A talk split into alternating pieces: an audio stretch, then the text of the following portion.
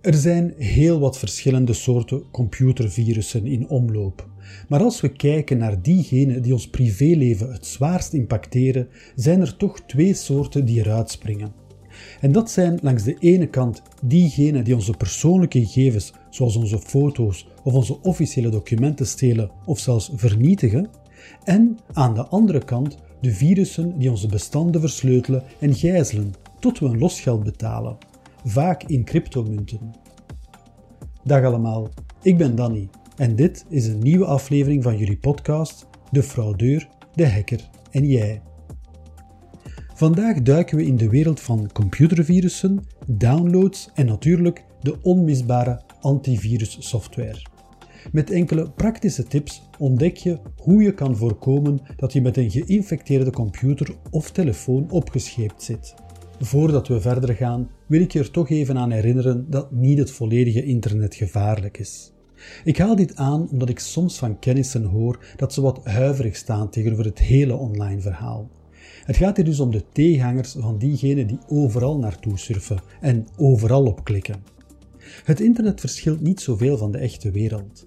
In beide gevallen zijn er valkuilen en plaatsen die we beter vermijden of waar we wat meer voorzichtig moeten zijn. In de echte wereld zullen we ook scherper opletten als we op een donkere plek gaan wandelen.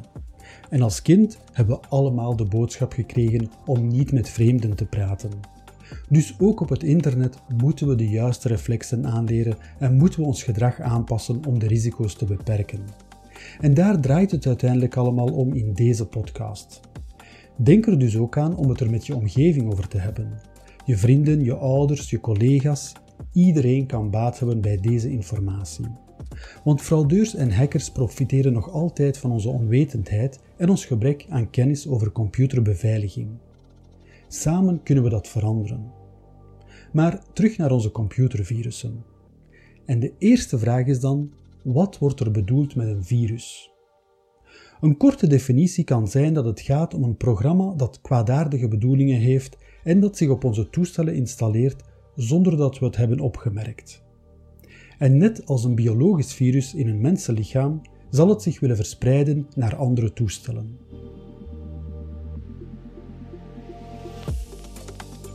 In de overgrote meerderheid van de gevallen zal een computervirus zichzelf niet zomaar downloaden.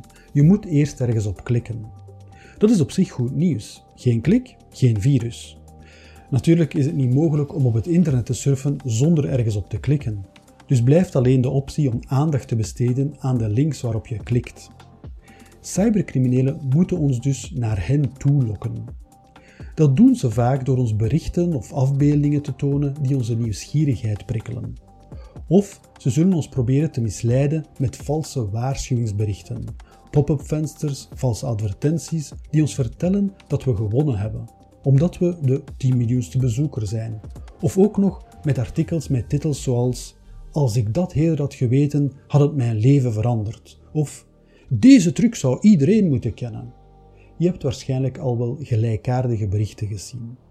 Je klikt en je downloadt een virus. Ja, dat klopt. Het is mogelijk dat een virus gedownload en geïnstalleerd wordt door gewoon de verkeerde website te bezoeken. Maar, en ik wil hier echt de nadruk op leggen, dat is echt heel zeldzaam. In de meeste gevallen word je door de cybercriminelen zo gemanipuleerd dat je zelf iets zal installeren. Bijvoorbeeld een valse software-update.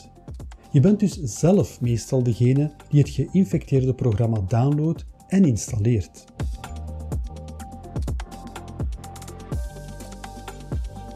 Dus hoe komen we ertoe om een virus te downloaden? Ik zou dat willen opsplitsen in twee groepen. We gaan zelf op zoek naar iets om te downloaden of we worden actief naar een download geleid. Cybercriminelen hebben natuurlijk beide situaties voorzien. Ze plaatsen geïnfecteerde bestanden online en wachten tot iemand het komt halen. Waar denk je dat zoiets kan werken? Wel, op alternatieve appstores en op downloadsites die illegale inhoud aanbieden. Bijvoorbeeld de nieuwste film die nog maar pas in de bioscoop was, of een illegale versie van een software waarvan je vindt dat die te duur is om legaal aan te kopen. In sommige gevallen zal de illegale software ook werken, maar zal er als extra cadeautje een virus meegeleverd worden. En ze zullen niet aarzelen om valse commentaren toe te voegen of zichzelf een 5-sterren beoordeling te geven, zodat je sneller geneigd bent om hun versie te kiezen. Langs de andere kant brengen cybercriminelen virussen tot bij ons via valse reclame of zelfs door het overnemen van de Facebook-account van een van onze contacten, om ons dan berichten te sturen met verleidelijke titels zoals Ben jij dat in deze video? Als je die video dan wil bekijken, moet je natuurlijk eerst een nieuwe videospeler downloaden. Je raadt het al, die videospeler zal ook een extra cadeautje bevatten. In deze tweede groep mogen we ook de e-mails niet vergeten. De inhoud van een mail wordt gelukkig sterk beperkt door de programma's waarmee we de mails lezen. Maar het risico schuilt hem in de bijlagen. Een programma kan als bijlage meegestuurd worden, maar veel vaker gaat het om een document zoals een Word, Excel of PDF-document. Deze drie formaten kunnen allemaal macro's bevatten, waarmee we ook besmet kunnen worden. Dat is ook de reden dat deze macro's niet automatisch kunnen werken en dat je dit zelf moet activeren. Doe dat nooit als je niet weet wie en waarom je zo'n document ontvangen hebt. Deze risico's zijn al lang niet meer beperkt tot je computer. Ook je mobiele telefoon kan geïnfecteerd worden. Ik herhaal dus nogmaals dat het absoluut belangrijk is dat je je applicaties enkel downloadt uit de officiële app stores van Apple of Google. Maar zelfs in dat geval raad ik toch aan om twee types apps nooit te downloaden. Zaklamp-apps en apps die enkel dienen om QR-codes te lezen. Waarom je deze nooit moet downloaden? Omdat je die al op je telefoon hebt en omdat cybercriminelen veel van dit soort applicaties onder hun controle hebben. Als je de officiële app van de overheidsdiensten zoals de NMBS, van je bank of van andere diensten wil installeren, kijk dan eerst eens op hun website. Daar vind je meestal wel een link naar de juiste app. Zo moet je niet meer zoeken, maar je bent ook zeker dat het om de juiste app gaat. Om onszelf en onze toestellen te beschermen heb je echt antivirussoftware nodig.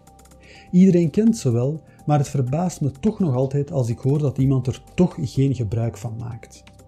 Nochtans is het de enige manier om in alle hoekjes en gaatjes van je systeem te gaan zoeken naar sporen van een infectie of van verdachte activiteiten. En dat doet antivirussoftware als geen ander. Het kan een bedreiging niet alleen identificeren, maar ook elimineren. Natuurlijk is geen enkele antivirussoftware onfeilbaar en ik hoor nog altijd dat het onze toestellen vertraagt. Misschien is het dus best om eerst een paar vooroordelen de wereld uit te helpen. Ja, zelfs met antivirussoftware kan je nog altijd met een virus besmet worden. Het is precies zoals met een vaccin voor ons lichaam. Het zal je beschermen tegen het virus waar het voor ontworpen werd, maar zal een andere variant van het virus niet detecteren en dus ook niet beschermen ertegen. De antivirussoftware voor onze toestellen beschermt gelukkig tegen een hele reeks van virussen en in de meeste gevallen ook tegen een gedrag van een virus dat het nog niet kent. En hoewel cybercriminelen regelmatig nieuwe virussen op de wereld loslaten, gebeuren de meerderheid van de infecties nog steeds door virussen die al bekend zijn en die dus kunnen worden gedetecteerd door antivirussoftware. Het is dus echt een absolute must om er een te hebben. Blijft dus nog de legende dat antivirussoftware onze toestellen trager maakt. Dat was vroeger zeker waar, maar die tijd ligt echt al lang achter ons. Wat wel klopt, is dat je toestel trager zal worden als je twee aparte antivirusprogramma's installeert. Maar dat is echt nergens voor nodig. De vraag die nu meestal volgt als ik het over antivirussoftware heb, welke antivirus moet ik kiezen? Daar is geen eenduidig antwoord op te geven.